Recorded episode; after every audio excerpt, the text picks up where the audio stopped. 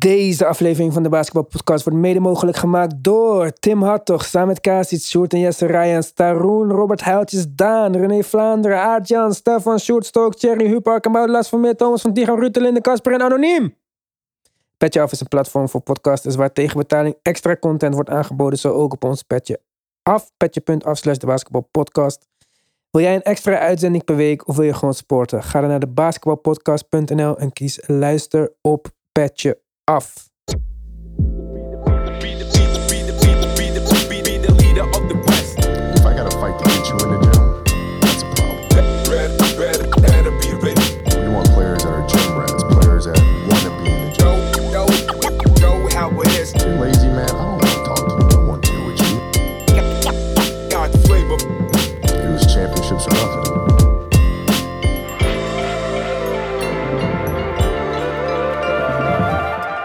Welkom bij een nieuwe aflevering van de Basketball Podcast. We beginnen gelijk met nieuws, vers van de pers. Luke Walton, fired. Sacramento heeft eindelijk de knopen durven doorhakken. Ze staan 12 in de Western Conference met een record van 6-11. Ze hebben zeven van hun laatste acht wedstrijden verloren. Onder Luke Walton zijn ze in de laatste twee plus seizoenen 68 en 93. In drie seizoenen in LA was Luke Walton 98 148. En in zijn vijf plus seizoenen als hoofdcoach eh, verspreid onder de Lakers en de Kings heeft hij nooit een seizoen gefinished met een winning record. De Kings hebben sinds Rick Adelman 10 coaches gehad in 15 jaar. Maar van al die coaches was Luke Walton de meest succesvolle. Met een winpercentage van 42%. Nou, ik denk dat dat heel goed samenvat hoe de situatie bij de Kings ervoor staat. Ze hebben een hoop jonge talenten. Ze hebben hoge draftpicks, Darren Fox, Marvin Bagley. Maar eh, het is gewoon helemaal niks. Verdedigen zijn ze volgens mij laatste in de NBA. Het is eh, treurig, treurig, treurig, treurig. We zagen het misschien allemaal al aankomen. Maar ja, het is eindelijk zover. Eh, Luke wou zeggen. Nehis, een laatste baan voor Luke Walton in de NBA? Of, mag hopen in de aankomende jaren zeker. Ja, ik zie hem ook niet 1, 2, 3. Hij heeft niet echt iets laten zien om een headcoachpositie. eh ja, ik weet het niet met deze man. Nee, ik denk dat hij blij moet zijn als hij weer een assistent eh, coachingjob krijgt. Meteen na deze baan, zeg maar. Hij was natuurlijk succesvol als assistentcoach bij de Warriors. Daardoor ook deze baan gekregen. Misschien hij nam het toen over van Steve Kerr. Met Steve Kerr met een rug- rugblessure ge- geopereerd moest worden. Was hij volgens mij, wat was het, 16 en 0 of zo? Onverslagen. 39 en 4. 39 en 4, oké. Nou, dat is iets anders dan wat ik. Ja. Maar in ieder geval, eh, ja.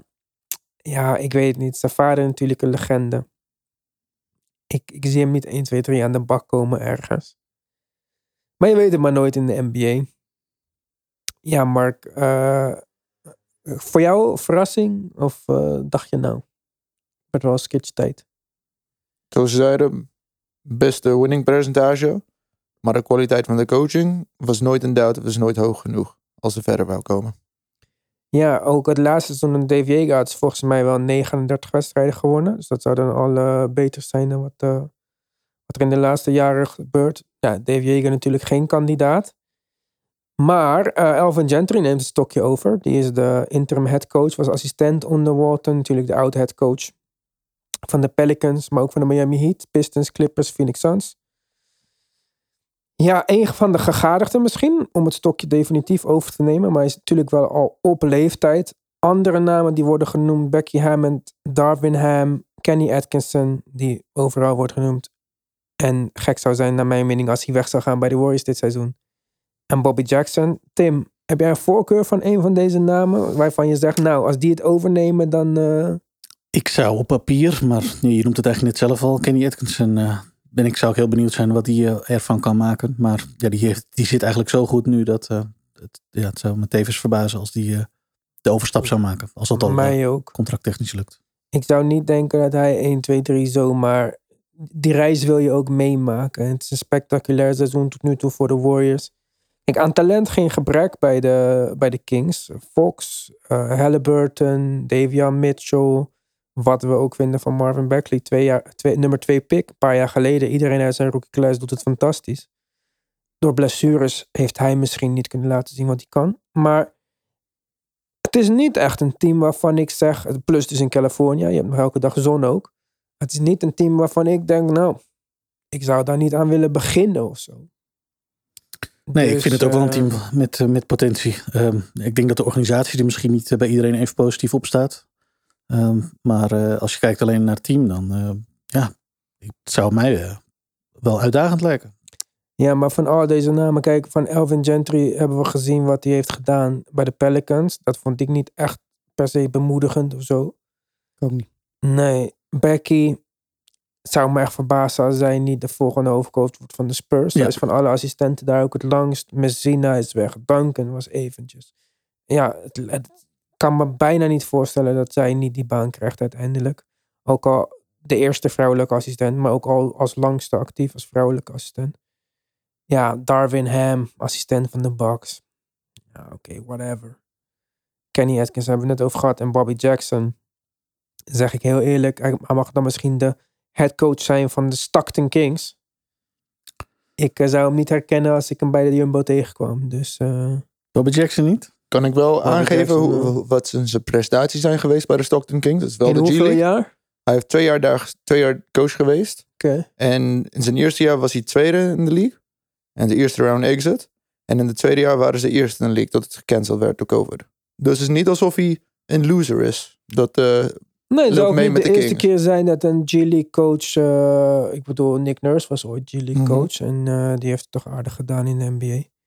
Maar als je nou zegt van... Nou, Bobby Jackson komt en ik moet dan zeggen... Nou, dat gaat zeker goed komen. mhm. Ik ben niet op dat punt of zo.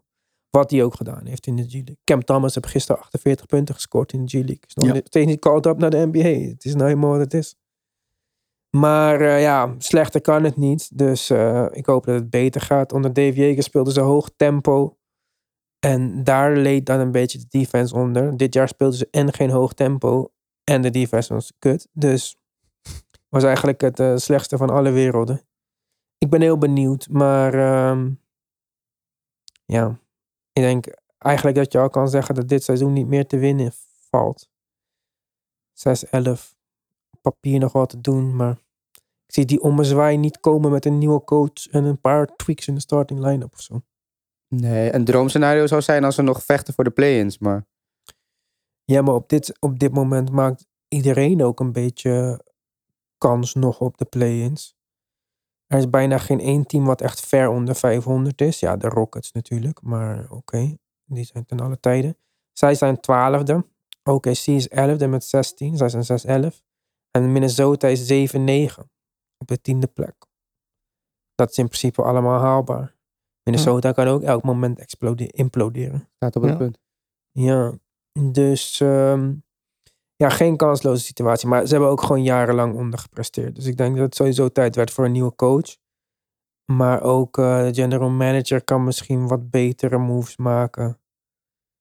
Ja, Uh, Woj tweet net dat eh, Elvin Gentry de, de nieuwe Kings interim coach wordt. Dus dat hij in principe dit seizoen gaat afmaken. ja, Hele seizoen. succes dan. Ja. is ook niet goed om zeg maar te bouwen voor de toekomst. Lijkt mij met Elvin Gentry. Oh, nee, hij is sowieso te oud om hem te, aan te nemen voor de komende jaren. En zoals ik al zei bij de Pelicans, natuurlijk Elvin Gentry komt uit het Phoenix-systeem. Tenminste, daar kennen we zijn grote successen van. Ook als assistent bij de Warrior, dat achtige, die achtige aanval in, geïmplementeerd. Maar ja, bij de Pelicans is het gigantisch mislukt. Hij is naar mijn mening niet meer goed genoeg om een hoofdcoach te zijn. En dan gaat hij nu dit seizoen afmaken. Wat gaan de Kings dan doen? Tanken? Voor wat? Nog een pick? Kunnen ze nog een guard draften? Maar wat mij verbaast is, ze hebben wel jonge core. Maar als speler, hoe zou je dan voelen? Ze zijn eigenlijk een jaar van je hele carrière aan het weggooien, toch? Maar zo jong zijn ze ook niet, hè? Want Barnes is 28 of zo. Holmes is ook rond die leeftijd. Ja. Fox is vierde, vijfde jaar. Halliburton was een wat oudere rookie. Davian Mitchell is een oudere rookie. Barry Hield. Buddy Hield is 28. Dus het is Ah. niet alsof ze... Ze zijn niet de Rockets of de Thunder of zo, hè? Nee, en Mark, wat je zegt, ik denk, er zijn ook wel wat spelers die natuurlijk al wat langer, maar nu misschien nog meer dan voorheen heel erg in de trade talks terug zullen komen. Want ja, wat je zegt, gaan ze een jaar verspillen of gaan ze nu denken, oké, we hebben een interim headcoach dit jaar, wordt hem waarschijnlijk niet. Gaan we dan nu eindelijk af van Buddy Hield en Harrison Barnes, die zijn draftstock wel een beetje omhoog heeft gehaald. Er is een ba- eh, trade stock bedoel je? Ja, zo is het. Trace. Ja, is een Barnes doet het heel goed dit jaar. Maar dan denk je dat dit wordt, gaat veel openings creëren in de trade market dan? Ze gaan sowieso be- best veel van deze spelers willen gewoon niet doorgaan, neem ik aan. Als het zo ga- gaat verder uit, uit- ontwikkelen. Als je Harrison Barnes bent, zoals jullie net zeiden, misschien Buddy Hield. Ik denk dit zou time, ik wil een trade. Dat denk ik ook. Het zou mij eh, eerder verbazen als Sacramento tot eh, de trade deadline niks doet dan andersom. Ik Wat gaan ze wel, eh, doen dan voor Ben Simmons traden? Ja, dat is ook genoemd. Nou, er zullen wel meer trades gaan plaatsvinden. Er zijn wel meer teams die, eh, die, die op die nominatie staan. Maar eentje daarvan is zeker Sacramento. En ik denk dat ze met Barnes en Hield ook inderdaad wel echt twee eh, serieuze trade assets in handen hebben. Ja, Barnes en Hield voor Russell Westbrook. Let's go. Maar in principe, Monty McNair is niet zo lang GM geweest. Denken jullie dat hij eigenlijk gaat gewoon zorgen dat hij veilig is en we gaan een rebuild? En daardoor heeft hij gewoon twee, drie jaar nog een baan? Of denk je dat hij echt een stap wil maken om ze dichter bij de play of play-ins te brengen?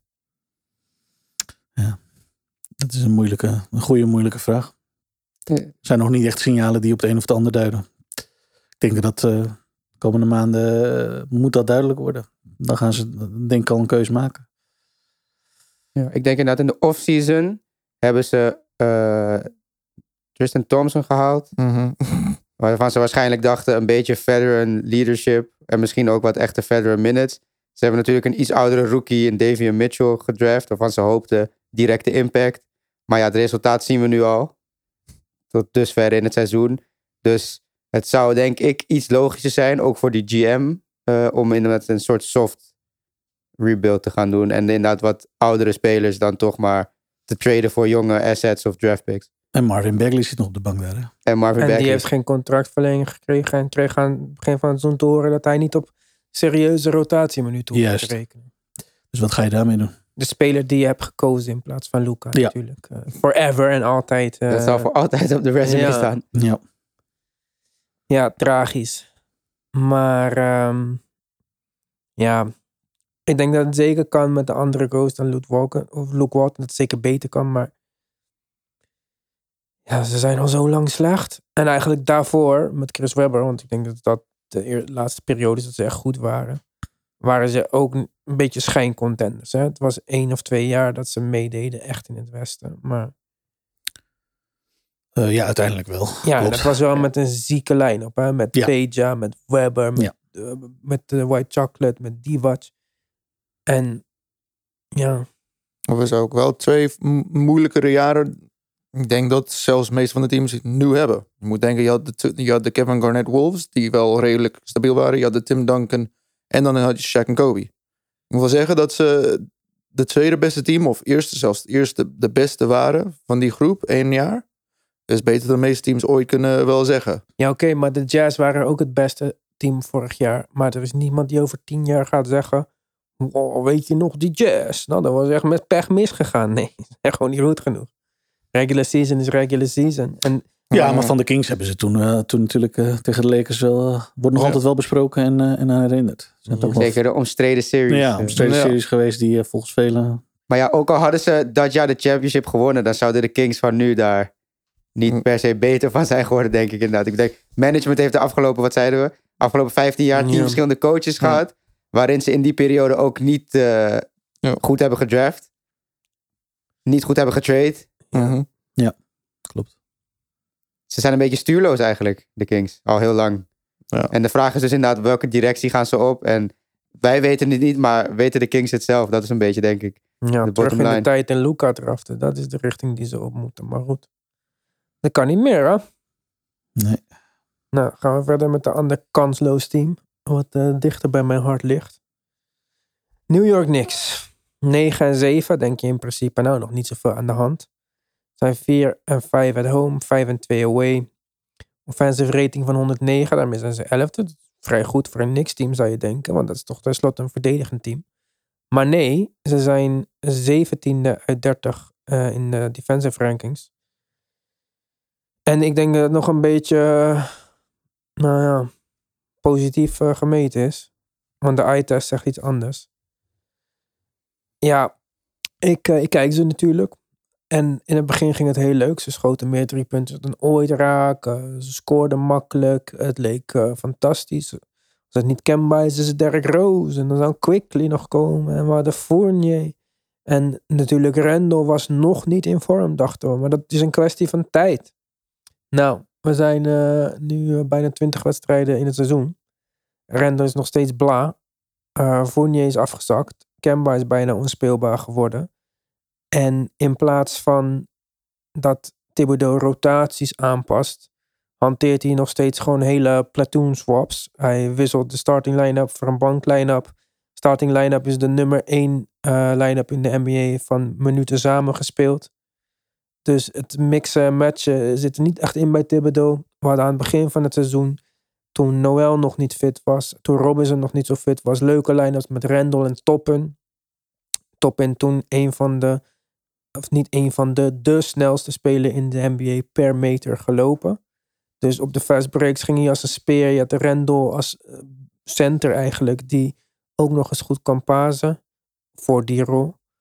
Het was allemaal hartstikke leuk. Eh, de laatste tijd loopt voor geen meter. En ook defensively dus niet. De identiteit van Tom Thibodeau, die hij ook vorig jaar er niks mee heeft gegeven, zit er niet in. En zo gauw ze de drie punters niet raken, ja, dan blijft er weinig over eigenlijk. Randall blijft ze isolaties opzoeken die er niet in gaan. Ik denk dat die career low in eh, field goal percentages. Nou ja, bij Kemba, Derrick Rose is het een beetje op en af. De ene wedstrijd wel, de andere wedstrijd niet. Fournier, hetzelfde verhaal. Die was dan afgelopen nacht eh, heel goed opeens in het vierde kwart samen met Alec Burks. Waar ze eigenlijk gewoon hadden moeten verliezen van de Houston Rockets. Wat nog met mazzel goed kwam.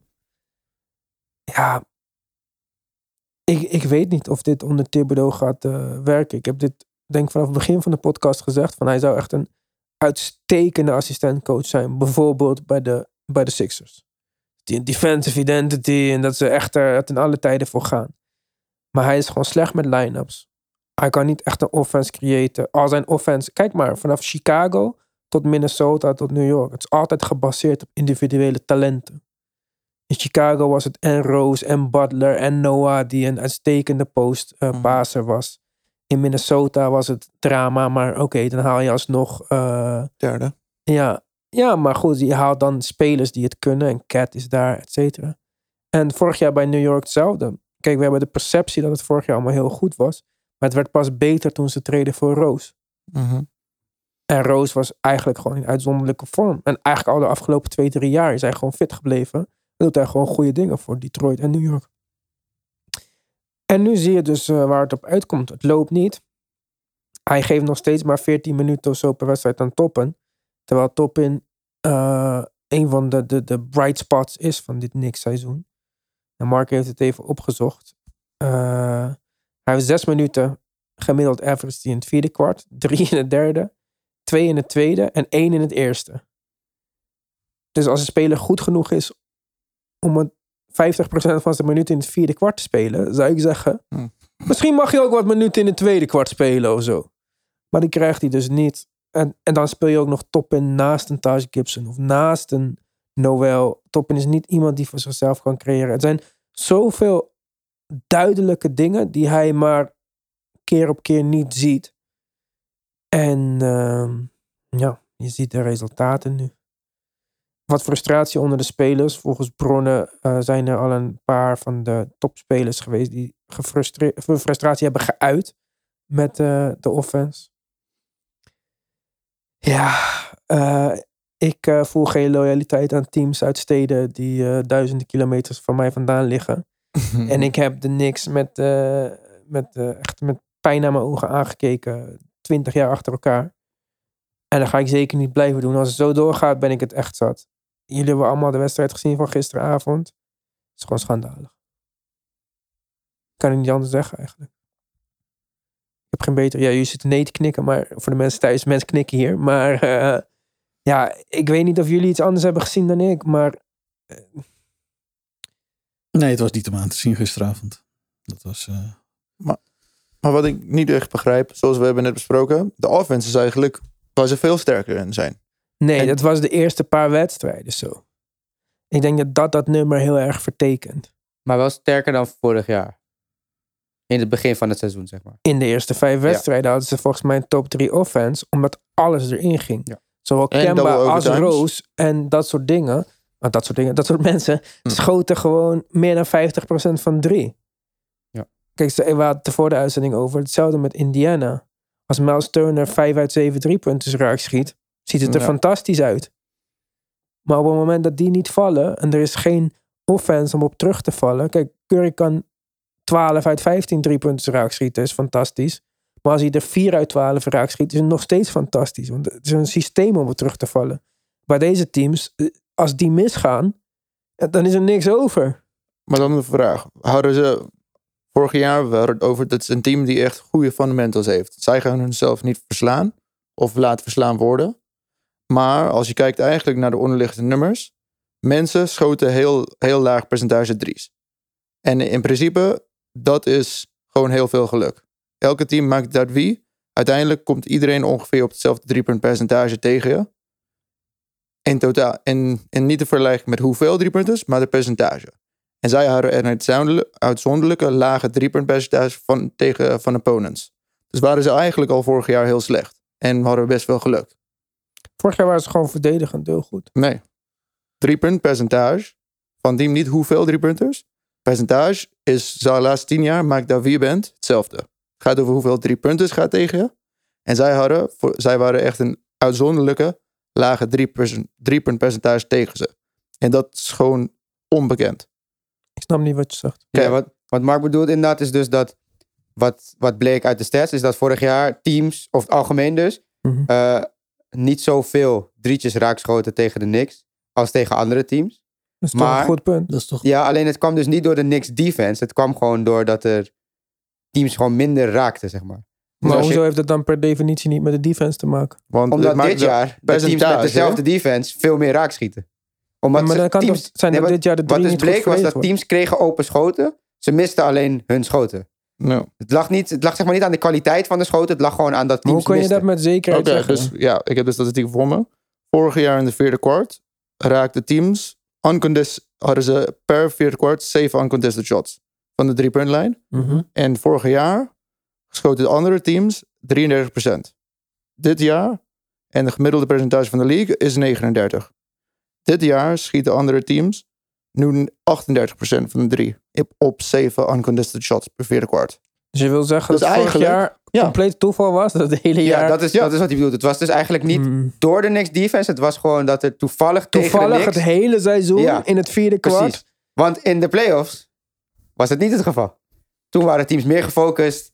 Maar je kan toch niet bewijzen dat de uncontested, shot Uncontested ze- shots. Ja, maar, Dat is ook- uncontested. Ja, dat maar wie krijgt- voor alle teams. ja, maar laat me dan uitpraten voordat je me onderbreekt. Wie kan bewijzen dat de uncontested shot... Kijk, als ik tegen de Warriors speel... en ik laat Draymond Green zeven keer over... dan is dat nog steeds een betere defense... dan als ik Steph Curry zeven keer open laat. Kan je wel zeggen uncontested shot van Draymond Green... maar een uncontested drie van Draymond Green... is een oké schot om open te laten, toch? Dus hebt ik helemaal wil gelijk niet per qua- definitie zeggen... Nee, nee, qua persoon dan ja. klopt het. Alleen ik denk, deze stats gaan inderdaad gewoon over een gemiddelde van teams. Niet over specifieke spelers. Nee, maar als je Kevin Durant zeven open drietjes geeft... Ja, maar mijn punt Hm. is daarom van misschien vorig jaar. Kijk, oké, het aantal openschoten is gelijk. eh, het percentage is hoger. Maar misschien vorig jaar waren ze beter in de rotaties. Of double teamden ze beter de spelers die het schot niet mochten nemen. En bleven de spelers over die dat schot oké waren om te nemen. Ik zeg maar een Draymond Green of een Ben Simmons of een Rashawn Holmes of een eh, wie dan ook. En dit jaar, de schoten die open blijven, zijn de personen die niet moesten open blijven. Eh, Daardoor dus de defense alsnog beter, of Beter. slechter. Ja, Ja, Het zou voor je punt kunnen spreken. Als de eh, organisatie, de verenigde organisatie toen zo goed was... dat ze de jongens die, laten we zeggen... misschien minder goed percentueel, minder goed schoten... eh, altijd open lieten... dan spreekt dat natuurlijk uiteindelijk nog voor je... als je dat vergelijkt met dit seizoen... waarin dat blijkbaar minder goed gebeurt... en er dus wat hoger percentage geschoten wordt, openschoten. Ja. Omdat ze dat niet zo goed aansturen verdedigend... als dat ze misschien vorig jaar deden. Het kan. Het Ja, kan wel, maar misschien het is die- nooit echt voorgekomen. Percentage blijft hetzelfde. Ja, bij alle teams. Het maakt dat wie je bent. is ongeveer 39% van een andere team. En vorig jaar was En vorig 33, jaar was toch? 33. Tegen de Het is gewoon een, echt een outlier in de laatste 10 jaar van stats. Ja, oké, maar Dus, eh, daarom zeg ik, ja, maar ja, ik snap wat jij bedoelt, maar wat eh, Tim ook eh, net eh, uitlegde. je kan dat niet zeggen zonder dat je alle wedstrijden gaat terugkijken. En kijk, de Knicks waren gewoon vorig jaar goed in verdedigen. Ook al zegt jouw stat dat misschien niet.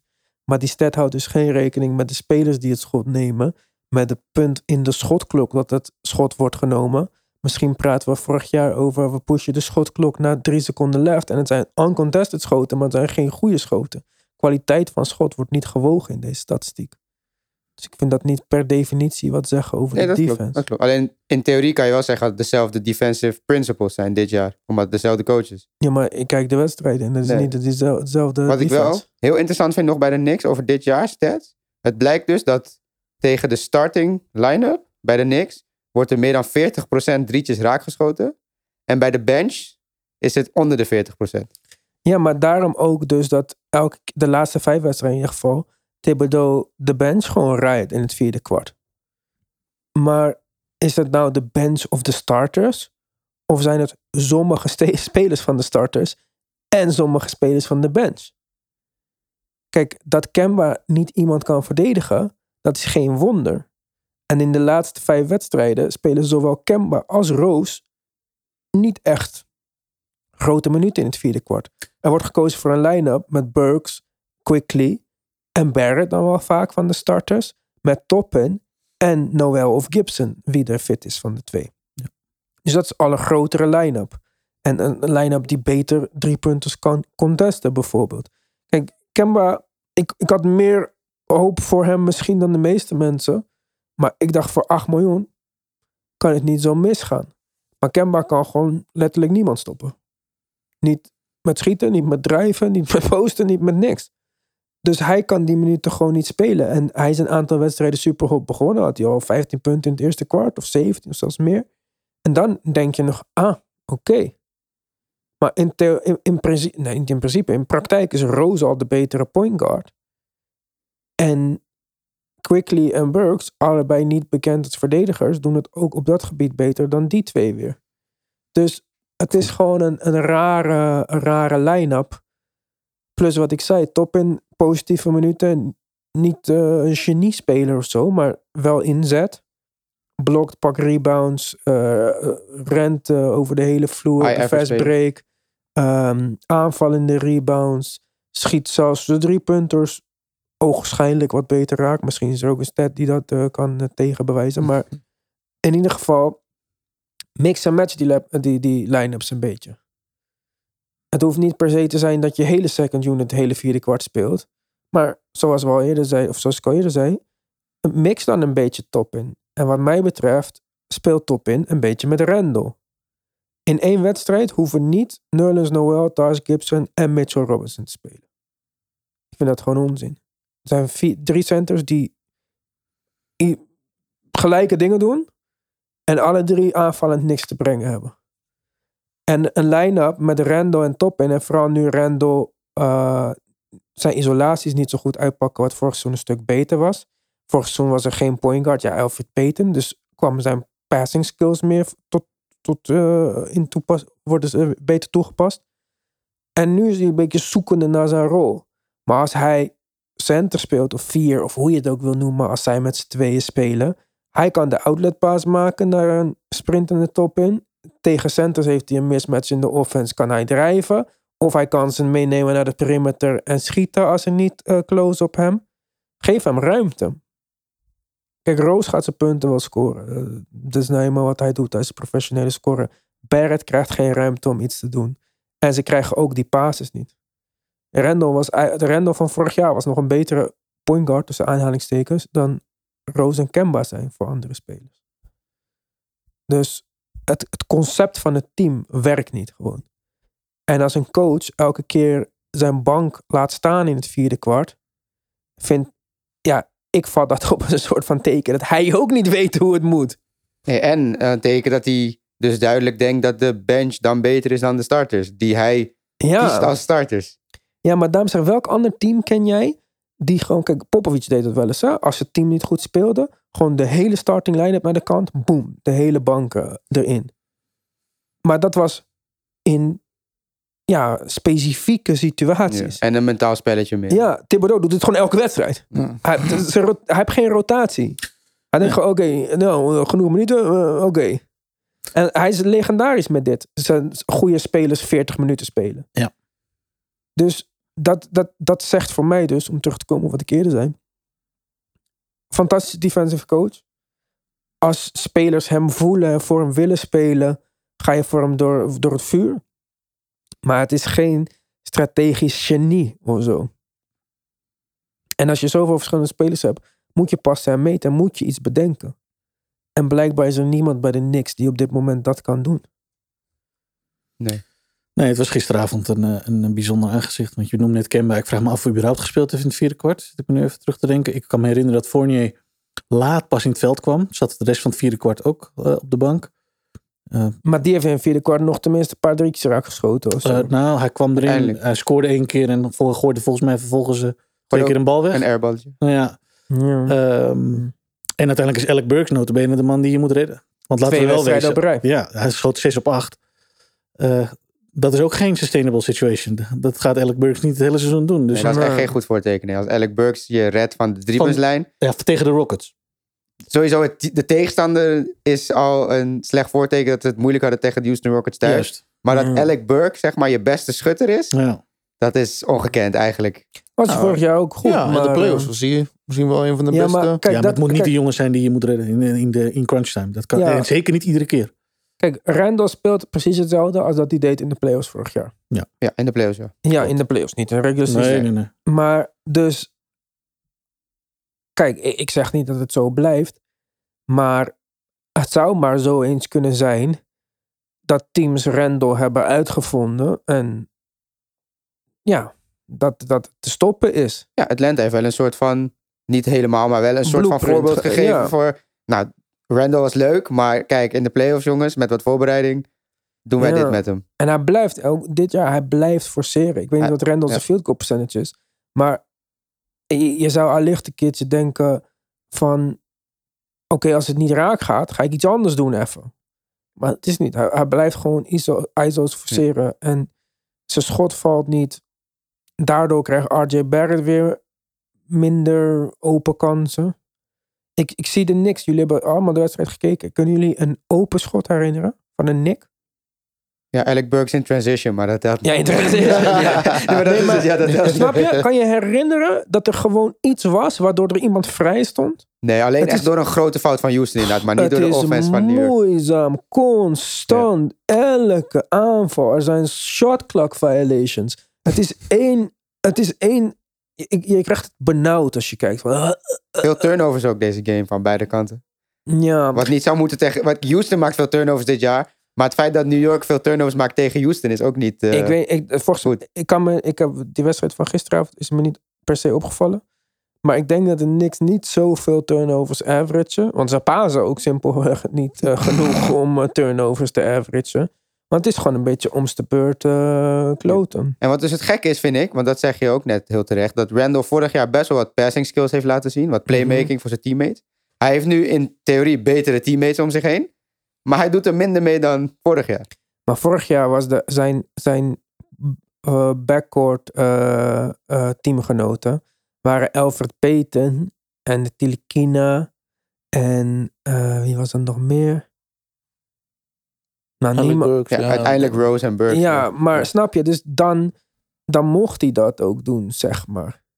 Ja, alleen omdat je zegt, hij- wat je zegt, hij, hij probeert wat schoten te forceren vaak in het begin van de game al. Die vallen dan de meeste wedstrijden niet dit jaar. Maar in Mhm. plaats van dat hij dan gaat zoeken naar inderdaad een schutter als Fournier of een Ja. top in of iets, dat, dat doet hij dan ook niet echt. Maar dat is ook, hoe paast hij? Hij paast omdat hij elke wedstrijd 30 punten scoort. En hij trekt aandacht. Maar als je nou één op één verdedigd kan worden door de center. En de rest van het team kan zich bemoeien met, met zijn teamgenoten. Wordt het al een stuk moeilijker om die bal te pasen naar een open speler. Want het is niet zo dat Randall Magic Johnson pasen maakte of zo. het waren gewoon pasen uit double teams. Eh, en, snap je? En daarom zei ik in het begin van het jaar, Randall met top in. Was best wel leuk. Randall pakt de rebound, top in is al bij de basket van de Ja. tegenstander. En boom, lange paas. Maar naar wie moet hij nu pasen dan? Niemand van deze spelers kan, is ook een catch-and-shoot shooter. Van Alec Burks tot Derrick Rose tot Kemba tot... Iedereen wil een beetje spelen met de bal. Heeft de bal op een touwtje. En mijn grootste probleem met Randall dit jaar... is oké, je probeert het. Je probeert het te vaak. Maar zelfs in de aanval dat hij uiteindelijk niet het schot neemt, houdt hij de aanval zes seconden op, omdat hij gewoon aan het proberen is. En dan forceer je dus, dan, dan moet een andere speler een schot forceren. Hij is, ja, wat mij betreft is hij echt een van de, van de redenen dat de, dat de Knicks niet goed zijn dit jaar. Maar komt het ook dan door de organisatie in World Wide Web? Dat hoe wie ze hebben uiteindelijk voor gekozen? Vorig jaar was het Kumbaya team en nu is het een paar Ja. spelers die willen voor zichzelf Ja, oké, maar als je kijkt, voor je zegt vorig jaar was het een Kumbaya team. Al deze spelers op Reggie Bullock na, die naar Dallas is gegaan. En natuurlijk, Maar- Tyrikina is ook weg. Albert Peters is ook weg. Ja, oké, maar Alfred Payton wouden we weg. Ja. En natuurlijk Kina ook. Ja, speelde Ook al heeft hij gisteren goed amper. gespeeld voor, de, voor Dallas. Maar dus Gibson is terug. Noel is terug. Burks is terug. Nou, En als klap op de vuurpijl krijg je een all-star point guard in Kemba Walker voor 8 miljoen. En je zijn Fournier. Hoe slecht is dit dan? Je, je zijn Fournier als vervanger van Reggie Bullock. En Bullock kan goed schieten. Fournier ook. Plus dat hij zijn eigen schot kan creëren. mhm. En je hebt Kemba als roosverzekering. Of Roos Kemba verzekering, hoe je het wilt noemen. En je hebt nog steeds Quickly. Mitchell Robinson komt terug. Er zou te veel moeten zijn. Er zijn te veel goede spelers. Zo leek het bijna eventjes. kan dat het dan niet zijn? Zoals we met de Celtics een paar jaar geleden met Kyrie, Hayward, Tatum, Brown, Horford en Smart. Is het te veel misschien? Kan Nee, want, iedereen wil de bal hebben? ja, maar het is niet zo dat nu elke wedstrijd zes spelers goed zijn of zo. Ja, maar- Ren- wat ik zei, Rendo is gewoon bla nu. Die kan net zo goed niet spelen. Zo slecht is hij. Maar komt het inderdaad dus dan... Een deel is Randall, dat hij forceert. Is een deel ook wat je al eerder zei... De lack of offensive system. Lack of offensive system met point guards die geen pass-first point guards zijn. Kijk, doe een lack of offensive system, maar zet Steve Nash er neer. Komt wel Komt over. wel, gaat wel iets gebeuren. Hij gaat wel een paar openingen vinden. Maar Kemba kijkt überhaupt niet naar Pasen. Gewoon. Dat is niet eens zijn eerste, tweede, derde optie eh, is niet Pasen. En Derrick Rose is denk ik nog een betere paser dan Kemba, maar is ook al de backup. En ja, Alec Burke speelt nu point guard. Dat is geen point guard. Quickly is geen point guard. En Randall mag niet meer pasen.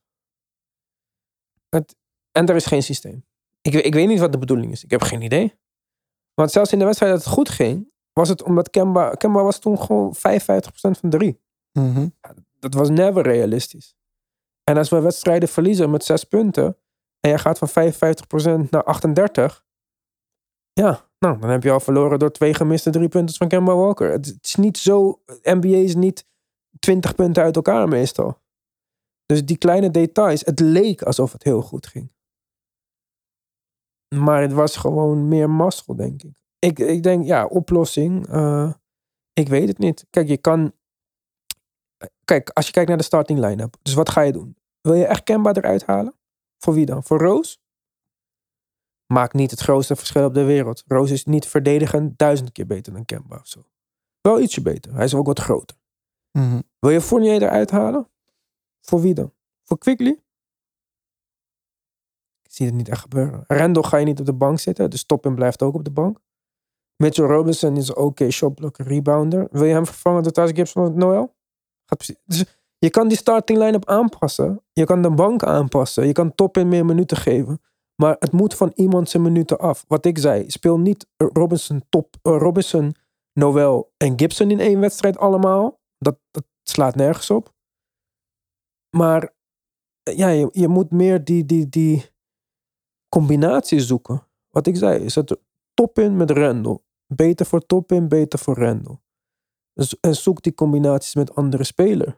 Ontwikkel iets. Misschien kan ehm, Robinson iets van een dribble handoff met Fournier creëren. Zoals eh, bijvoorbeeld Embiid en JJ Redick dat deden ooit. Zeg maar. maar zoek combinaties van dingen die werken als de aanval niet loopt. Want het is ook niet alsof Thibodeau opeens met een nieuwe aanval gaat komen. Dus eh, je moet combinaties van spelers zoeken die gaan werken. En op dit moment is dat de grootste probleem. En hij probeert ook geen andere combinatie te zoeken. Omdat het elke keer is vijf erin, vijf eruit, vijf erin, vijf eruit. En dan in het vierde kwart, het tweede, eh, second unit, totdat het nog vier minuten over is. En dan sap een paar starters erbij. Het is geen systeem. Nee, maar dan hebben we wel een groot probleem. Want Thibodeau is natuurlijk bekend om zijn zijn stubbornness, eigenlijk. Ja. Bekend inderdaad om zijn lack of rotations. Starters, of tenminste zijn beste spelers, veel minuten spelen. Hij heeft nooit laten zien dat hij echt eh, rotaties eh, uitprobeert in het seizoen of ontwikkelt. Dus eigenlijk weten we uit de geschiedenis al dat er niks gaat veranderen met Thibodeau's coaching. Dus dan is in theorie de enige oplossing om een nieuwe coach te zoeken. Maar ja, En dat gaat niet gebeuren gaat niet sowieso gebeuren. dit seizoen. zeker niet na vorig jaar, wat hij toch wel voor ze heeft betekend. En vorig jaar was coach of the year. Dus wat gaat er gebeuren, hoop ik dan, is dat we een paar van deze pieces gaan nemen. Bijvoorbeeld een Fournier met een Kevin Knox die niet mag spelen. Met een, nou, noem nog een groot contract. En traden voor iemand anders. Maar voor mogen ze nog niet treden, toch? Ze moeten nog een maand December wachten. toch? Ja. December, oké. ja. Dus voor de duidelijkheid. Maar ja, Ja, voor, maar- voor wat kan je treden om dit te redden dan? Iemand heel goed. Een hele goede aanvaller, ja. Ja, ja. Die zijn eigen offense kan creëren of iemand die voor zijn teammates kan creëren. Maar ja, dus dat, en kijk, en dat is een beetje het punt. Ik denk dat iedereen dacht dit jaar dat Bradley Beal wel eens op de markt zou komen. Nou, daar lijkt het toch niet op, want Wizards staan tweede nu in het oosten. En dat is eigenlijk het enige wat Beal wou zien, is dat het gewoon potentie was. En ook op de manier hoe ze spelen, zie ik niet echt 1, 2, 3 dat dit Ja. zomaar in kan storten. Want ze spelen gewoon goed en hun rotaties zijn gewoon goed. Dus ja, hoop je op Damian Lillard? Ik snap sowieso deze hele hype niet voor een point guard die niet kan passen en niet kan verdedigen en ook 31 is. Mhm. Plus, dan zijn er nog andere kapers op de kust. Want ik denk dat Philadelphia ongeveer eh, alle picks en Ben Simmons wil opgeven voor Damian Lillard. Dus ik weet niet op wie ze dan wel hopen. Ik, ik zou het niet bedenken. Ja, kunnen bedenken. Kijk, ik denk altijd dat Cat een van de volgende trade-kandidaten is, zeg maar. Wat je ook dan van Mhm. hem vindt. Of je hem ziet als ster of niet. Maar volgens mij was de match tussen Cat en Thibodeau niet echt eh, heel erg goed. Niet, eh, Dus die komt dan niet Nee, in ik denk aanmerking. dat D'Angelo Russell misschien ook wel getrade gaat worden door de Timberwolves. Maar dat is ook, ook niet de geen oplossing. Thibodeau-speler. Dus ja, met, kort samengevat, er zijn geen trade targets. Er is geen hoop op betere line-ups. Dus het enige waar je als Knicks-fan nog op kan hopen... is dat Randall op een miraculeuze wijze eh, zijn vorm hervindt. En dat we wat vintage Rose eh, flashes zien. Met vintage Kemba flashes. Dat een van de centers geblesseerd raakt... waardoor hij gedwongen wordt om een top in line-up eh, te spelen. Maar er zal... Ja. Ja, welke Kentucky-spelers zijn er nog? Ja, Boogie is ergens. Nog een center erbij. eh, ja. Stein. eh, Ja, Willie Cauley Stein, Bledsoe. eh, een van die dingen. Ja. Ah, er is nog één hoop, denk ik, voor de Knicks. Nou, En dat is iets wat toen gezegd werd over eh, RJ Barrett, toen hij uit college kwam. dat Zion dat eh, naar hun komt. Nee, nee, nee, dat hij best wel leuk kan passen voor iemand van zijn eh, Ja, maar- positie en ja. lengte. Als je RJ Barrett inderdaad een meer balhandling responsibility zou geven. En dus inderdaad een van de andere, waarschijnlijk Kemba naar de bank zet dan. Heb je misschien iemand die wat meer eh, offense creëert. Alleen dan is de vraag, hoeveel goede passes gaat RJ Barrett vinden? Of hoeveel voor zijn teammates gaat hij creëren? Ja, eh, RJ, ik ben best wel RJ Barrett eh, believer, zeg maar. Maar ja, was dit tweede pick? Niet een derde pick? Hij was de derde pick. Ja. Want Jamorant was tweede pick. Derde Zie- pick, ja. Ik zie RJ Barrett toch meer als, de, als een ceiling als eh Sean Marion dan als... eh, Sean Marion? ja. Met die defense? Van Sean Marion of van RJ? Van Sean Marion? RJ is een goede verdediger. Hij is een goede verdediger, maar Sean Marion stond echt letterlijk alleen bekend om defense. Hij kon verder niks. Ja, nou, verder niks. Hij ontwikkelde een, Ah, een zijn leuk schot was niet zo ja, Hij mooi. Zijn ontwikkelde er een, niet mooi uit. nee, zijn percentages Nee. gingen steeds meer omhoog. Maar, Maar in hij het begin kon was hij wel ook echt schutter. Ja, maar hij kon wel drijven. Ja. Hij Ja, RJ, wel... RJ was- kan veel beter driven en dribbelen dan Sean Marion ooit kon, volgens Oké, mij. maar gewoon een level van speler zie ik hem meer als Sean Ja. Marion dan als... ehm, ja, pasende uh, Nee, nee, ik small snap je, forward alleen LeBron dit- James. Maar, Dit zou dan eh, het moment zijn om dat bij RJ te proberen. Omdat, wie hebben ze, wat je zegt, wie hebben ze anders om te creëren voor de teamgenoten? ja, maar wat doe je dan? Ja, ik zou het leuk vinden als eh, bijvoorbeeld eh, Kemba en Fournier eh, en eh, nog iemand... Noel mag ook weg wat mij betreft als het moet. Kunnen treden voor een grote speler. Maar ja, welke grote speler? Russell Westbrook. Nee, absoluut niet. Dan is Ivan meteen geen eh, Ja. niks fan meer. Nee, nooit. Nee. Ik ben die Westbrook ook helemaal zat. Dat, eh, ja, wie weet. ehm, Misschien een rare optie, maar eh, Brandon Ingram zal toch ooit een Goran keer Dragic is waarschijnlijk worden. available. Maar ik hoor je Kemba zeggen, en ik hoorde je het alle guards noemen, moet er dan niet getraind worden voor een pass first point guard? Ja, wie? Ja, Ben Simmons? Alfred Peter. eerst een profiel schetsen en daarna inkleuren. Hè? Ben Simmons. nou ja, ja, maar eigenlijk, als je het, als, je- maar eigenlijk, hè. Zou je dat doen als je de Sixers was? Fournier, Kemba, nog iemand? Nu nog niet. Want je weet dat er inderdaad teams zijn met meer beschikbaar die ook, ook op de loer zijn. Hij heeft een lijst, hè? 30 ja, namen. 30 namen Heeft- heeft hij gezegd. Ja. Daar zijn een hoop spelers. Volgens mij is dit ook bla, Kijk, maar... Kijk het duurt eh, voordat hij lekt. ja, maar ik, ik geloof niet dat die lijst bestaat. Eh, latest trade rumor was Jeremy Grant. Ja, Jeremy Grant plus een jonge speler. Een jonge speler. Ja. En dat is een speler die de Sixers zelf hebben laten gaan ook nog. dus eh, zij hebben hem ontwikkeld.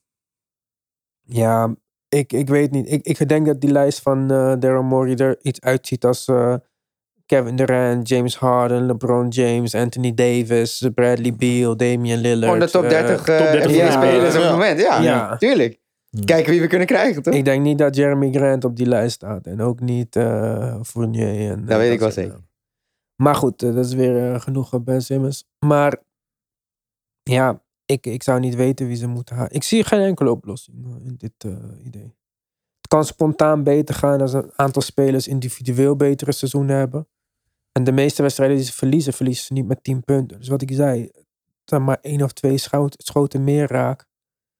En ehm, het, ja, misschien ook wat jij zei, misschien zijn er te veel spelers. En niet per se te veel goede spelers, maar gewoon te veel spelers voor Thibodeau om rotatie te fixen. De, die, die Mitchell Robinson geblesseerd is, zoals hij vorig jaar het hele seizoen was, en Thijs Gibson en Noel om de wedstrijd wel of niet kunnen spelen, Mm. dat je verplicht wordt om line-ups met Randall en Toppen te spelen. Dat is niet ondenkbaar. Mitchell Robinson ging vannacht, eh, vannacht af. En, eh ja, gebroken Noel, jij toch? Ja, en Noel eh liep met een brace om zijn knie. Was volgens mij zijn eerste wedstrijd terug.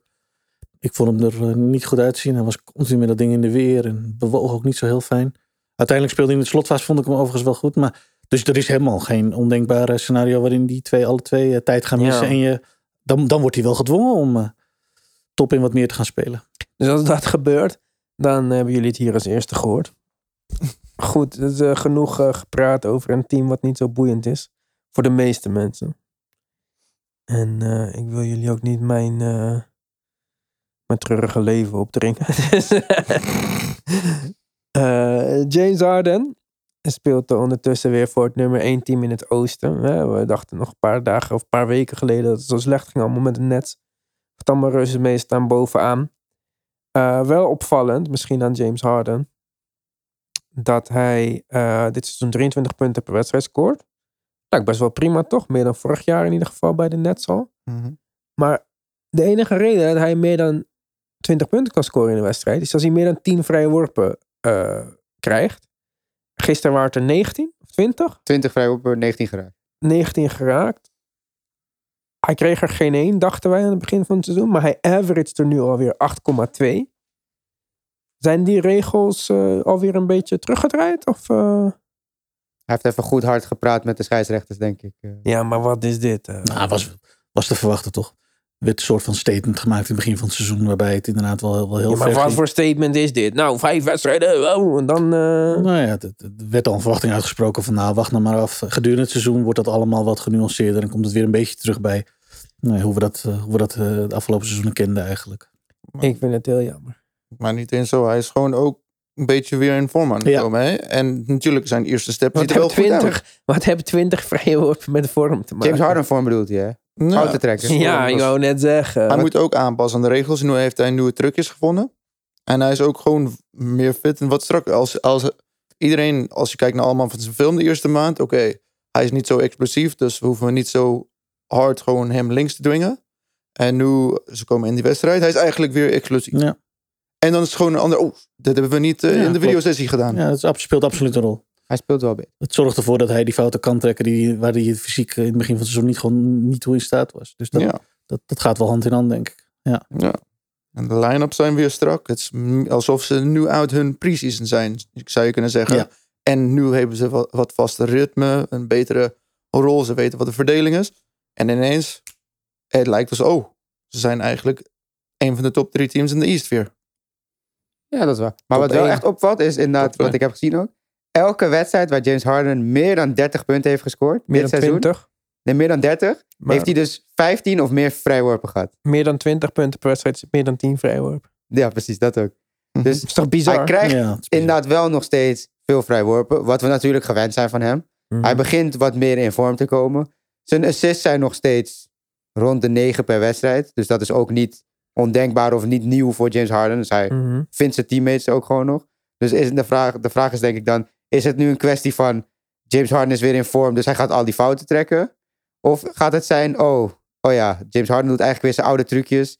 Wij als scheidsrechters moeten weer wat strakker gaan fluiten. Dat wordt denk ik nu een beetje Ja. het spel wat we gaan zien in de aankomende... Ja, Want de NBA ziet ook dat hij 20 vrijworpen heeft gehad de afgelopen wedstrijd. ja. En, de misschien vraag is hoe gaan ze krijgen- reageren? Ja, je weet niet wat die briefings worden van die scheidsrechters en zo. Kijk, als je één ding eh, kan meenemen uit dan dit seizoen voor James Harden, maar ook voor Damian Lillard en ook voor Steph en alle andere mensen die vaak vrijworpen kregen, is van hoe zijn deze cijfers te vertalen naar de jaren 90, waar dus eh, iedereen zonder blauw oog geen eh vrijworp kreeg, zeg maar. Kijk, je hebt die eeuwige discussie toch? Ja, wat zouden ze doen? Ja, andere regels, handchecken. Nou ja, je ziet het dus. Zonder dat die fouten worden gefloten, zijn deze zijn een hoop van de spelers die nu excelleren in het offensive eh, gedeelte van het veld. Dus niet zo goed. James Harden niet, Damian Lillard niet, Trey Young niet. Hm, Ik denk, je, je, Damian Lillard heeft last van zijn abdominal muscles. Dat was zelfs de Olympische Spelen. Dus, eh, en hij is, nou, niet een, hij is niet een goede... Maar James Harden kan niet zeggen, hij past aan de regels. De regels zijn zo flexibel. Hij heeft echt maximaal gebruik van gemaakt. Als je zou, z- ik zou niet zeggen Dus jij dat hij denkt dat 20 James Harden in de jaren Nee, 90, dat zeg ik 30 punten helemaal niet, maar- hij zou daarmee sowieso moeten aanpassen. En misschien was hij gewoon dan een hele andere soort speler. Maar het is makkelijk om naar de rim te gaan, omdat hij makkelijk fout... Hij is ook link, hij linkshandig, dus die hebben, die hebben altijd wat voordeel gehad in het verleden. Dat is gewoon, in de stats kun je gewoon gelijk zien, linkshandig is moeilijk om te verdedigen als je in basketbal. Maar je, kunt, maar je, je voelt mijn punt dat je kleine flash kon zien van wat het, hoe het eruit zou hebben gezien in de jaren 90. Geen enkele. Ja, maar hij is misschien niet basketballer geworden. Hij was, dit- je, kan het, je kan het niet vergelijken van... Nee, maar ik zeg gewoon niet dat je het kan vergelijken. Ik zeg bent- alleen ja. voor de mensen die het willen vergelijken, was dit een soort van een. een, een ja, Maar, maar gebaseerd op wat? Hij heeft, Op hij de- vijf wedstrijden om de aanpassing te maken. Om gewoon een beetje te leren. Je kan niet zeggen, hij heeft geen preseason echt gehad. Hij komt gelijk zijn eerste wedstrijd niet helemaal super fit. Nieuwe regels. Oh, dit is hoe het zou eruit zien. Dat is gewoon een bullshit punt. Het is gebaseerd op niks. Als hij Oké. fit is, dan ook volgend seizoen, als de hele regels dan helemaal anders zijn, geef hem 20 wedstrijden, dan bepaal hoe hij zou eruit zien. Maar vijf wedstrijden, tien wedstrijden is niks. Ik moet wel zeggen, want dat weet ik nog van een paar afleveringen geleden ook.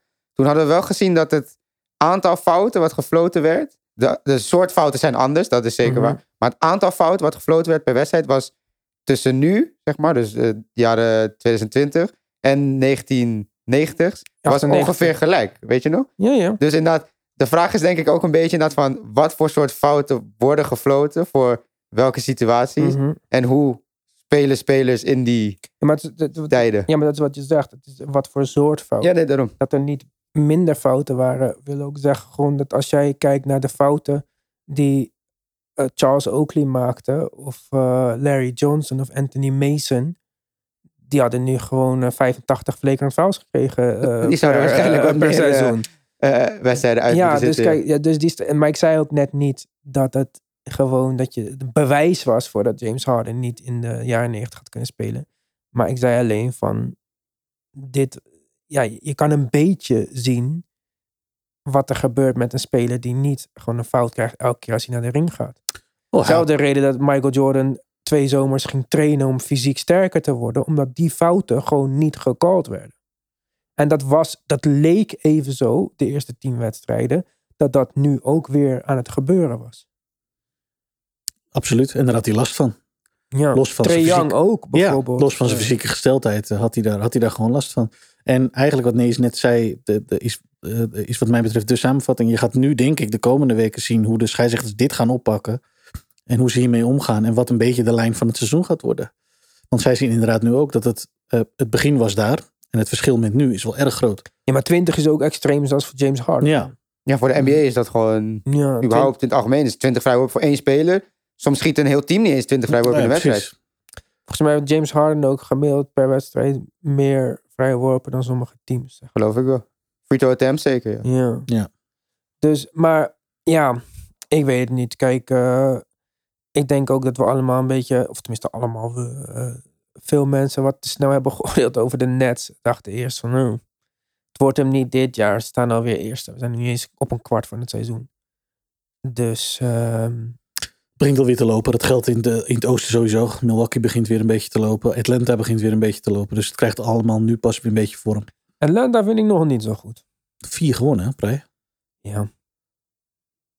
Ik vind het er absoluut beter uitzien dan in het begin. Het, wa- het was echt Die niet best. Andre Hunter nou geblesseerd. Ja, dat is een gemis. Maar goed, Cam Reddish doet het goed. En eh Trae Young eh, eh, is, is, is goed bezig. Ik, ik weet niet. Ik zag ze eh, afgelopen nachten.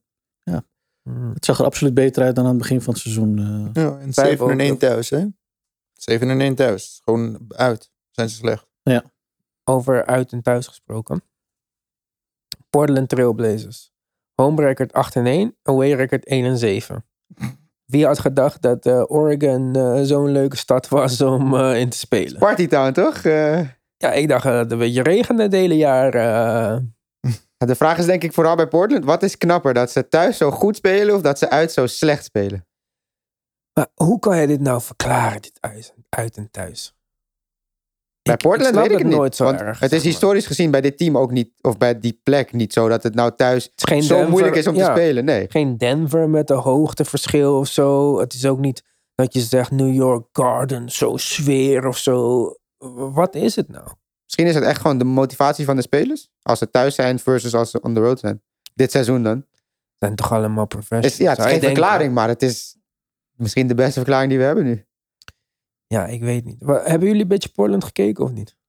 Ik zeg je eerlijk, ik kijk ze niet eh, zo vaak. Kijk ze als een, een leuke wedstrijd spelen. Maar, Ja, het ligt aan de tegenstander. ja. Ik ga er ook niet voor zitten, nee. Nee, dat, eh, want daar weten zo'n we, team is het niet. ik, ik ben wel benieuwd, dat, dat zou ik dan even moeten bekijken van de week. Of er al iets, een soort van duidelijke hand van Chauncey Billups te zien is in dit Ja. team. Maar de conclusie daarvan was eigenlijk al wat we eerder ook een keer hadden besproken. Is die agressieve defensive stijl is niet zo heel handig. Nee, dat gaat niet met Nee, deze spelers. Dus dat was wel zijn eh, nieuwe Ja. implementatie. Maar die is dus niet zo handig. Dus daar moeten ze weer op aanpassen. Hij geeft die Nasir Little wel wat meer minutes. En die bewijst wel dat hij nu een NBA-speler is echt. Eh Nurkic ziet er de ene wedstrijd goed uit en de andere wedstrijd ziet hij er echt niet uit. Eh, Larry Nance is eindelijk in vorm Ja. voor hun aan het komen dan. Hij vervult zijn rol wat beter. Maar mag die eindelijk spelen? Ja, als Nurkic dus een slechte wedstrijd heeft, dan wordt hij wel wordt hij de vijf. Ruim, Zou- 20, ruim ik- 20 minuten vannacht. Ik zou hem Ja. starten. Ja, maar dan gaat Nurkic naar de bench dus? Nee, Covington. Covington naar de bench, Of dat zou ook eh, kunnen. die, hoe heet die? Powell. Powell, Powell zou wel een goede six-man zijn voor hun, denk ik. Ja, waarom niet? Je hebt toch al, waarom wil je drie dezelfde spelers op het veld hebben staan? Ik zou het, ik zou het in ieder geval proberen dan met Lillard, McCollum, eh, Covington, eh, Nance en Nurkic.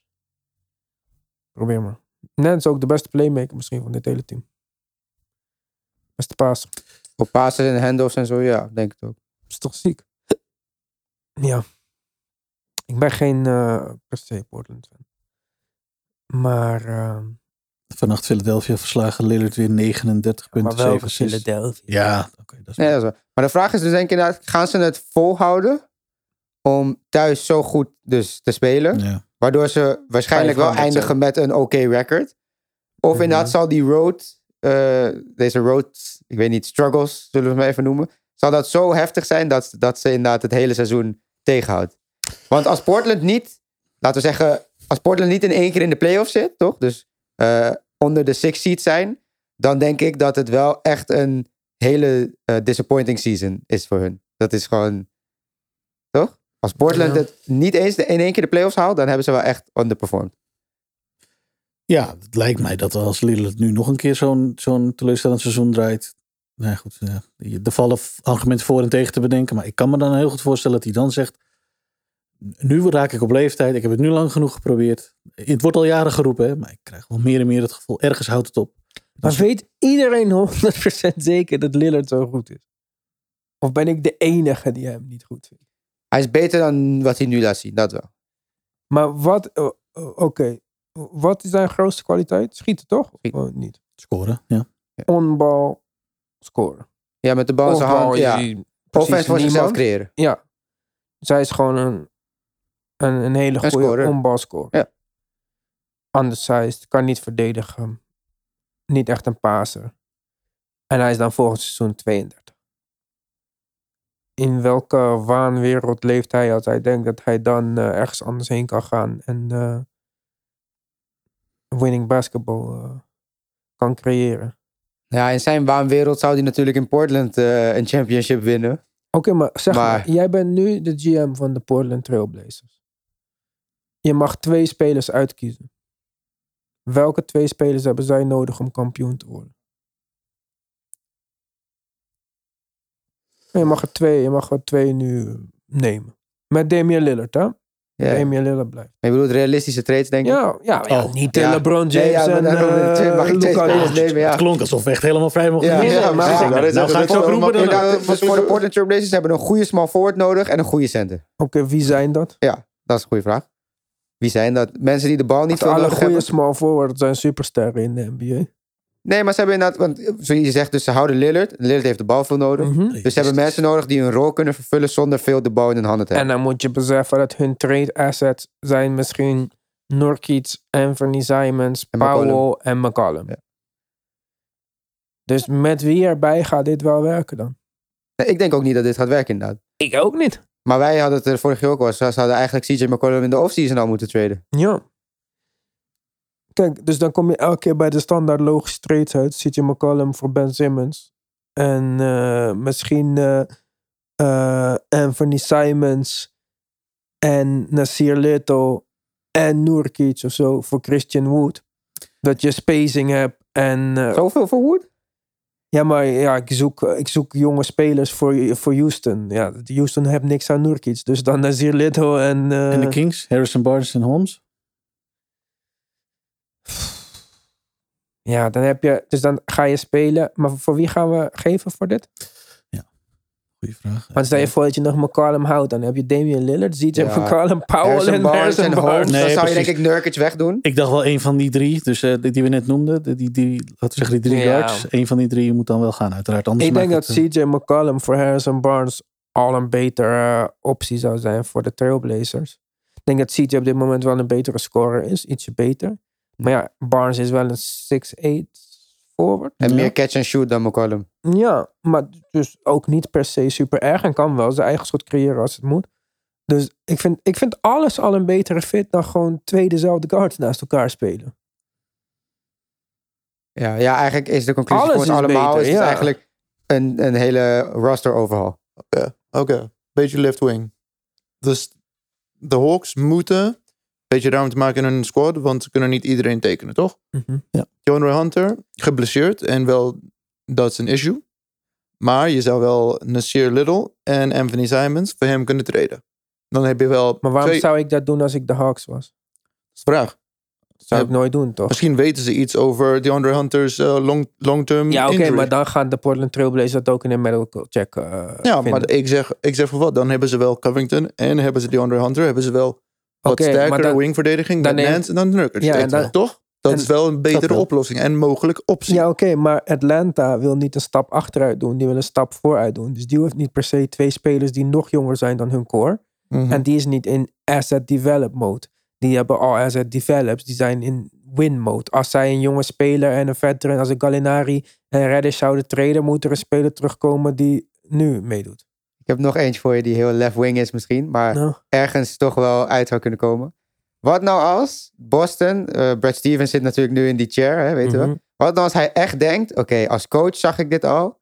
En nu als GM kan ik er iets aan doen. Jalen Brown en Jason Tatum samen, dat werkt niet. Nou, dat eh, zou hij al moeten weten. Dus dan gaat Jalen Brown op de trade block, toch? Ja. Want we denken dat Jason Tatum Ja. eerder bij de Celtics blijft dan Jalen Brown. Ja. En dan komt eh, de Portland Trailblazers en die denkt, nou, wij hebben wel CJ McCollum, Nurkic. Misschien gooi je inderdaad Anthony Simons of Norman Powell in. Ik weet niet wat Boston zou willen, maar voor Jalen Brown. Dan heb je best wel een goede wing in Portland. Maar- en dan ben je af van de twee guards eh, probleem. Ja, maar ik snap je. Ja, inderdaad, voor Portland, alles is prima. ook eh DeAndre Hunter, ook de, eh, Jalen Brown. Maar dan kom je in Boston met een center. Terwijl ze al twee centers starten tegelijk nu met Robert Williams en Al Horford. En natuurlijk Nurkic is misschien jonger dan Al Horford en beter dan Robert Williams. Twijfel. Ja, dan moet Kenter ook die die ja, op. en waarom werkt het niet met Jalen Brown en Jason Tatum samen? Omdat ze allebei de bal in hun handen nodig hebben om te creëren en niet kunnen pasen. En dan ga je Jalen Brown veranderen voor een nog kleinere versie van Jalen Brown in CJ McCollum. Dus ook voor de Celtics is dit geen goede optie. Allemaal prima, tuurlijk. Geef Jalen Brown, DeAndre Hunter en Portland. Fantastisch voor Portland. Maar het probleem is dat die spelers die zij hebben niet die value hebben. Maar dus wat, kijk, niet McCallum heeft toch wel minder de bal in zijn hand nodig dan, eh dan Jalen Brown? Nou, kan toch wel meer een... een- Ja, een- Jalen Brown is dan weer wel een betere verdediger. Dat, één wel. verdediger. Ja, ja, dat dat is wel wel. waar. Ja. Maar ik, ik, inderdaad, ik zei ook niet dat lost, dat het de lost. Boston-probleem Het kan ook zijn dat ze misschien Norman Powell zouden willen. Ik zeg maar wat. Maar Ja. ik bedoel inderdaad meer van... Dat ze, inderdaad, ze moeten inderdaad zoeken, denken wij dus Portland... in ieder geval naar een goede wing. En ze moeten waarschijnlijk, als ze Damian Lillard gaan houden... af van CJ McCollum. In ieder geval. Vier jaar geleden, ja. En ja, welke goede wings zijn er die misschien eh, op een team zitten... wat staat op imploderen, als je het zo. Maar ja, Ben Simmons. Ben Simmons, maar En dat is, CJ McCollum zou weer wel nut hebben voor de Sixers. denk ik ook. Maar staat hij op de lijst? Dat weten we niet. Die lijst is niet bekend. Kijk, voor de rest zijn er weinig echt drama teams. Ja, je, je kan misschien zeggen ehm Nasir Little en Anthony Simons en Nurkic. Nou ja, het is wel heel veel. Maar voor Jeremy Grant. Ja, Pistons jonge spelers, als ze dat nog steeds willen. En blijkbaar vinden ze Olinik ook geen probleem. Dus waarom zou Nurkic dan een probleem zijn? En ehm, Portland, of eh, ja, Portland krijgt dan een forward die eh, iets kan. Maar ja, kijk, dus alle slechte teams die willen jonge spelers. Daar hebben ze er maar twee van die redelijk zijn. Alle contending spel, eh, teams, ja, is eigenlijk alleen CJ McCollum. Een, Ja. eh, Serieuze kandidaat. Ja, maar dan niet zo. Wat is het enige issue met Toronto? Offense, toch? ja, en geen center. Nurkic voor eh Siakam. Ne- Nee, dat, dat werkt niet heel goed. Maar je kan CJ voor Siakam doen. Dan heb je gelijk een veel meer flexibele voor. Of Toronto, maar- heb, Toronto hebben, hebben dan wel iets offensive power. Dus ze kunnen wel wat meer flexibel zijn, want dat is hun issue. Niet Dus- echt, want eh, Toronto start eh, Van Vliet en Gary Trent Jr. En als je even kijkt naar de laatste wedstrijden van Gary Trent Jr., dan is dat niet eh wat Hij is een goede two-way player aan het worden. Ja. Ja, En hij is een two-way player. hij is echt een en two-way dat is player. McCollum niet. Nee. McCollum is echt... Ik, ik kan letterlijk geen ander team bedenken, behalve misschien... Pff, Ik weet niet. Ik kan eigenlijk alleen de Sixers bedenken waar ik zou denken, nou, wie heeft een perimeter scorer nodig? En zelfs de Sixers met deze maxi twijfel ik ook dat ze zo super geïnteresseerd zouden zijn. Want vergeet niet, McCollum is niet 25 of zo, hè? Ik weet nog wel iemand waar ze perimeter scoring nodig hebben. Indiana. Indiana. Maar wie CJ voor Miles Turner? Nee, dat komt niet over. nou, met, geef eh, maar Sabonis dan, hè? Ja, Sabo- maar dat komt niet ook. over, hè? 16 tegen 12. Ja, maar Indiana heeft andere teams, toch? Wat 12? Wie Miles Turner is nog steeds op 12, 16 miljoen. Nee, maar hoeft niet Miles Turner. We gaan Sabonis trainen. Ah, Die Oké, verdient nog meer. die verdient wel meer dan Miles Turner. Ik, en Wat Oh. verdient McCollum? 33. Oh, oké, dan is alleen maar... Dat makes sense dan. Ja, maar je kan ook, eh, Dan moet er nog wel je kan bij. ook TJ Warren geven. Ook laatste jaar contract 12 miljoen. Dus iemand plus 20 miljoen plus 12. Mag je dan kom je aan die 33 miljoen van McCollum. Mhm, Ja. En er zijn ook twee oude eigenaars die best goed met elkaar omgaan. Die Indiana-eigenaar en Portland's Klopt. eigenaar. Nou, misschien best- is dat best dan. Ik vind dat ook geen slecht idee. Nee, dat is... eh, Allebei de teams kunnen wel inderdaad een, een boost gebruiken. ja, en dan heeft Portland een soort van... Want eh, die moeten ergens een soort van paas vandaan halen. Dan maar in de post eh, met Sabonis. Alleen ik vind Sabonis en Nurkic geen match. Nee, eh, dan zou Nurkic naar de Nee. bench moeten. Of Ja. ook getraind worden in een andere deal. Of in die trade. Of in die Er is nog ook één iemand die bij de Portland zit. Volgens mij echt al nu twee jaar op rij geblesseerd is. Die Zach Collins. Nee, die zit Nee, bij de die Spurs. ja, Spurs. Is hij nu bij de Spurs? Ja, daar is hij. Die hebben hem een contractverlenging gegeven. Oké, dus eigenlijk heeft Portland helemaal niemand meer in de reserve ook. eh. Nee, dat is- Anthony trade. Simons doet het goed dit jaar. Ja, ja, ja, ja. En ik weet niet of ze nog Rodney Hood hebben of dat die uit de NBA is. nee, die is in de, eh, bij de Bucks. Oh ja. Maar ja, ik vind de Pacers wel... eh Pacers is inderdaad een team waar CJ McCollum op past. En ik zit even snel door mijn hoofd te bladeren. Maar ik zou geen ander team weten. In ieder geval geen eentje die... Ja, de Spurs kunnen ook van alles en nog wat gebruiken. Maar eh, wat, wat gaan die geven waar Portland wat aan heeft? Precies. Portland doet ook geen picks. Teddy is jong. Kan hij in Dallas naast uh, Luca? Kan. Ja, maar dan Maar heb je, ook, voor- heb je ook een backcourt die niet kan verdedigen. En daar zijn ook nog Ti- Tim Hardaway en al die spelers die niet kunnen verdedigen. Jalen Brunson is al aan de science point guard. Dus eh, het, ja, het is, het is gewoon Verdedigend, ja. het is gewoon een lastige... Is een lastige fit, ja. ja. Ik denk, eh, ja, ik, die Indiana had ik niet zelf bedacht. Dus eh, ik zie dan Sixers en Indiana was een optie. En eigenlijk Sixers steeds minder. Maar Maxi eigenlijk in de buurt wordt van McCallum nu. En Maxi is 22. Maar ja, En McCallum is eh, 31 of zo. die doet het echt goed. Dus ehm, ja, ik vind het lastig. Maar ja, het is, ja, ik weet niet. Voor mij zijn dat soort teams al gewoon kans. Ik kan bijna gewoon garanderen. Nee, niet bijna. Ik kan garanderen dat Portland niet eh, kampioenschap gaat winnen. Ja. Nee, dat durf ik ook wel te garanderen. Ik denk Ja. überhaupt, eh, je zou je moeten afvragen, eh, wie denkt dat Portland eh, top 6 gaat halen? Wie denkt dat Portland eh, rechtstreeks playoffs gaat halen? Ik niet. Zoals het er nu uitziet. Ik Twijfel ik niet echt aan, zeg maar. Zoals in de huidige staat. Even, Ja. bedoel, eh, zeven, als hè? voor 10 februari de hele boel overhoop gaat daar, ja, tuurlijk, dan gaan we Ze andere- zijn nu zeven. nou. ja, dus eh, En de Clippers zijn boven hen. Ja. En dat is een team wat wel kan dalen. Ja, maar er zijn ook andere teams in de Ja, West die nog kunnen stijgen. Ja, Zoals de Lakers. ja. West Ja. is slecht, man. Eigenlijk En In Memphis de gaat West ook... kan je bijna niet de play-ins niet halen. Want als je kijkt naar de teams die nu niet in de play-in staan.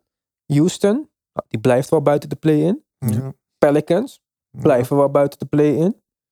Spurs, sorry Pop, blijven wel buiten de play-in. Sacramento, blijven wel erbuiten. OKC, nooit de bedoeling om iets te gaan doen. Ja. En dan kom je al op de tiende plek. En Ja. dat zijn de Minnesota Timberwolves. Ja, Die Ja, dus wel, Portland ja. zal de play-in wel halen, maar ik zie, Ja. ze, ik zie ze oprecht echt geen top 6 halen dit jaar. Nee, kijk, Golden State blijft wel beter, neem ik aan. Phoenix, trouwens, Phoenix, Ja. wat zijn ze? 10-0 of Ja. zo? 12 en drie. Phoenix heeft een goede. Phoenix gaat echt goed. Ja.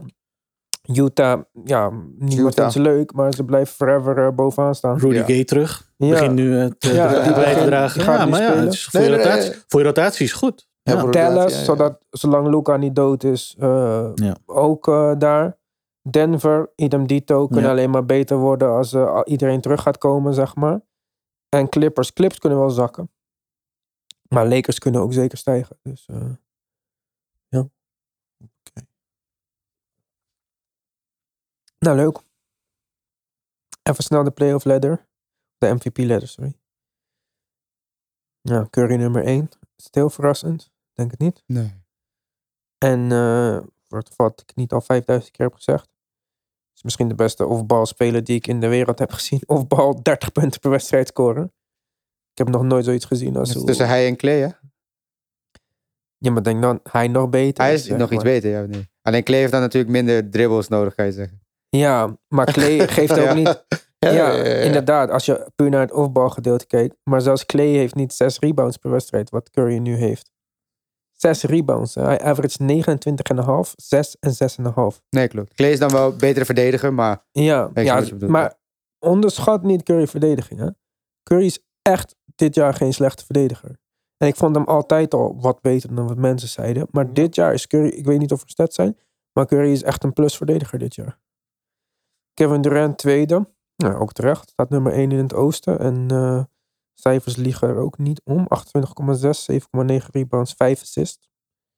Jokic derde, 26,4 punten, 13,6 rebounds en 6,5 assists. Ook niet mis. Ook terecht de Mar de Rozen vierde, tweede team in het oosten.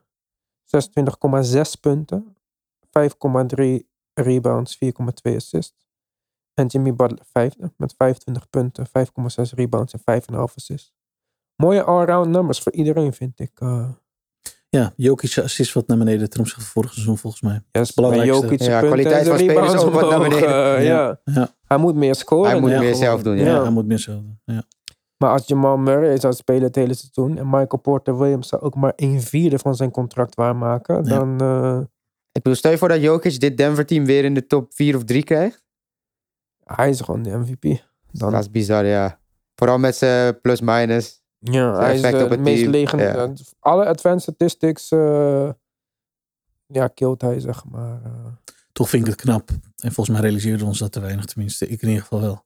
Dat je met Curry en Durant twee jongens in de top 2 hebt. eh, van de MVP-leden nu. Die, eh, als ik het even uit mijn hoofd doe, in 2014 en 15 ook allebei MVP werden. 15, 16. Ja, een en naar de andere. Ja, Maar En- allebei en zijn ze gewoon- super consistent. ja, Ja. op hun leeftijd. Gewoon, nou, ik weet niet of ze het beste basketbal uit hun carrière laten zien. Maar het ziet er wel tegenaan.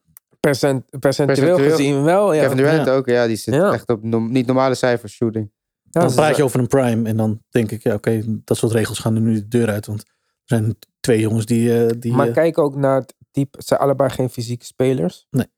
En allebei, en dat, dat hebben wij ook al vaak gezegd in de podcast, zijn het niet super gespierde, zware jongens, zeg maar. maar in het geval van Durant wel serieuze blessure gehad. Twee. Ja, maar Curry ook. Zijn Ja. enkels zijn Ja, helemaal ja, ingepakt. ja, eh. ja, ja. En zijn arm gebroken. Dus het is niet zo dat Ja. ze fluitend door hun carrière zijn gekomen. Omdat ze Nee, nee, maar contact het is, vermijden. ja, maar het is wel anders. Kijk, als jij, ik, heb, ik, ik zie meer eh, kans dat een Curry of een Durant fit blijft als ze ouder worden, dan Zion. Ja. Even snel Ja. een Zion-update Die trouwens. jong al niet fit is. Ja, die nooit fit was geweest. Maar even kijken, uh, Zion update. De Pelicans hebben maatregelen genomen. En hebben nu eh, culinair personeel eh, aangetrokken. Want eh, Zion moet op dieet. Ja. En als hij weg van de faciliteit is, kom maar met die Wendy's. Ja.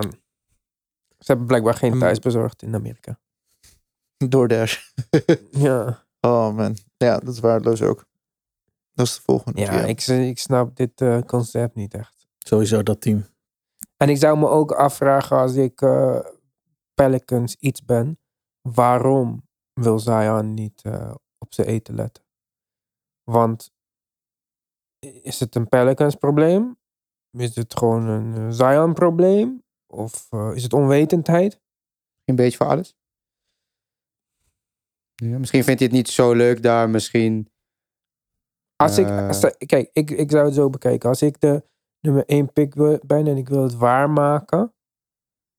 Ik, ben, ik, ik verdien ook gewoon al 12 miljoen per jaar. Het is niet alsof ik 30ste pick ben, was de eerste pick. Dus ik krijg een hoop geld.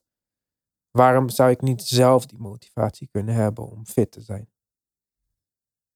En Dat hij heeft het blijkbaar niet, dus. Hij heeft alleen al van zijn shoe deal met Nike. Heeft hij al zoveel geld dat hij eigenlijk niet eens meer zou hoeven spelen. Ja, maar niet dus dat hij niet moet willen, maar. Kijk, ik bekritiseer, LeBron vaak. Maar LeBron is nooit niet fit verschenen Nee. in een trainingskamp of zo. LeBron was vanaf dag één inderdaad was hij, eh, Ja, in de NBA aan het spelen. Ik weet niet, ik, ik las laatst, eh, of ik zag laatst zo'n zo'n paar, eh, niet memes, foto's op een rij. Van wat is het eerste wat je hebt gekocht met je miljoenen of zo. En ik durf even niet te zeggen wie het was. Die zei volgens mij Koesma.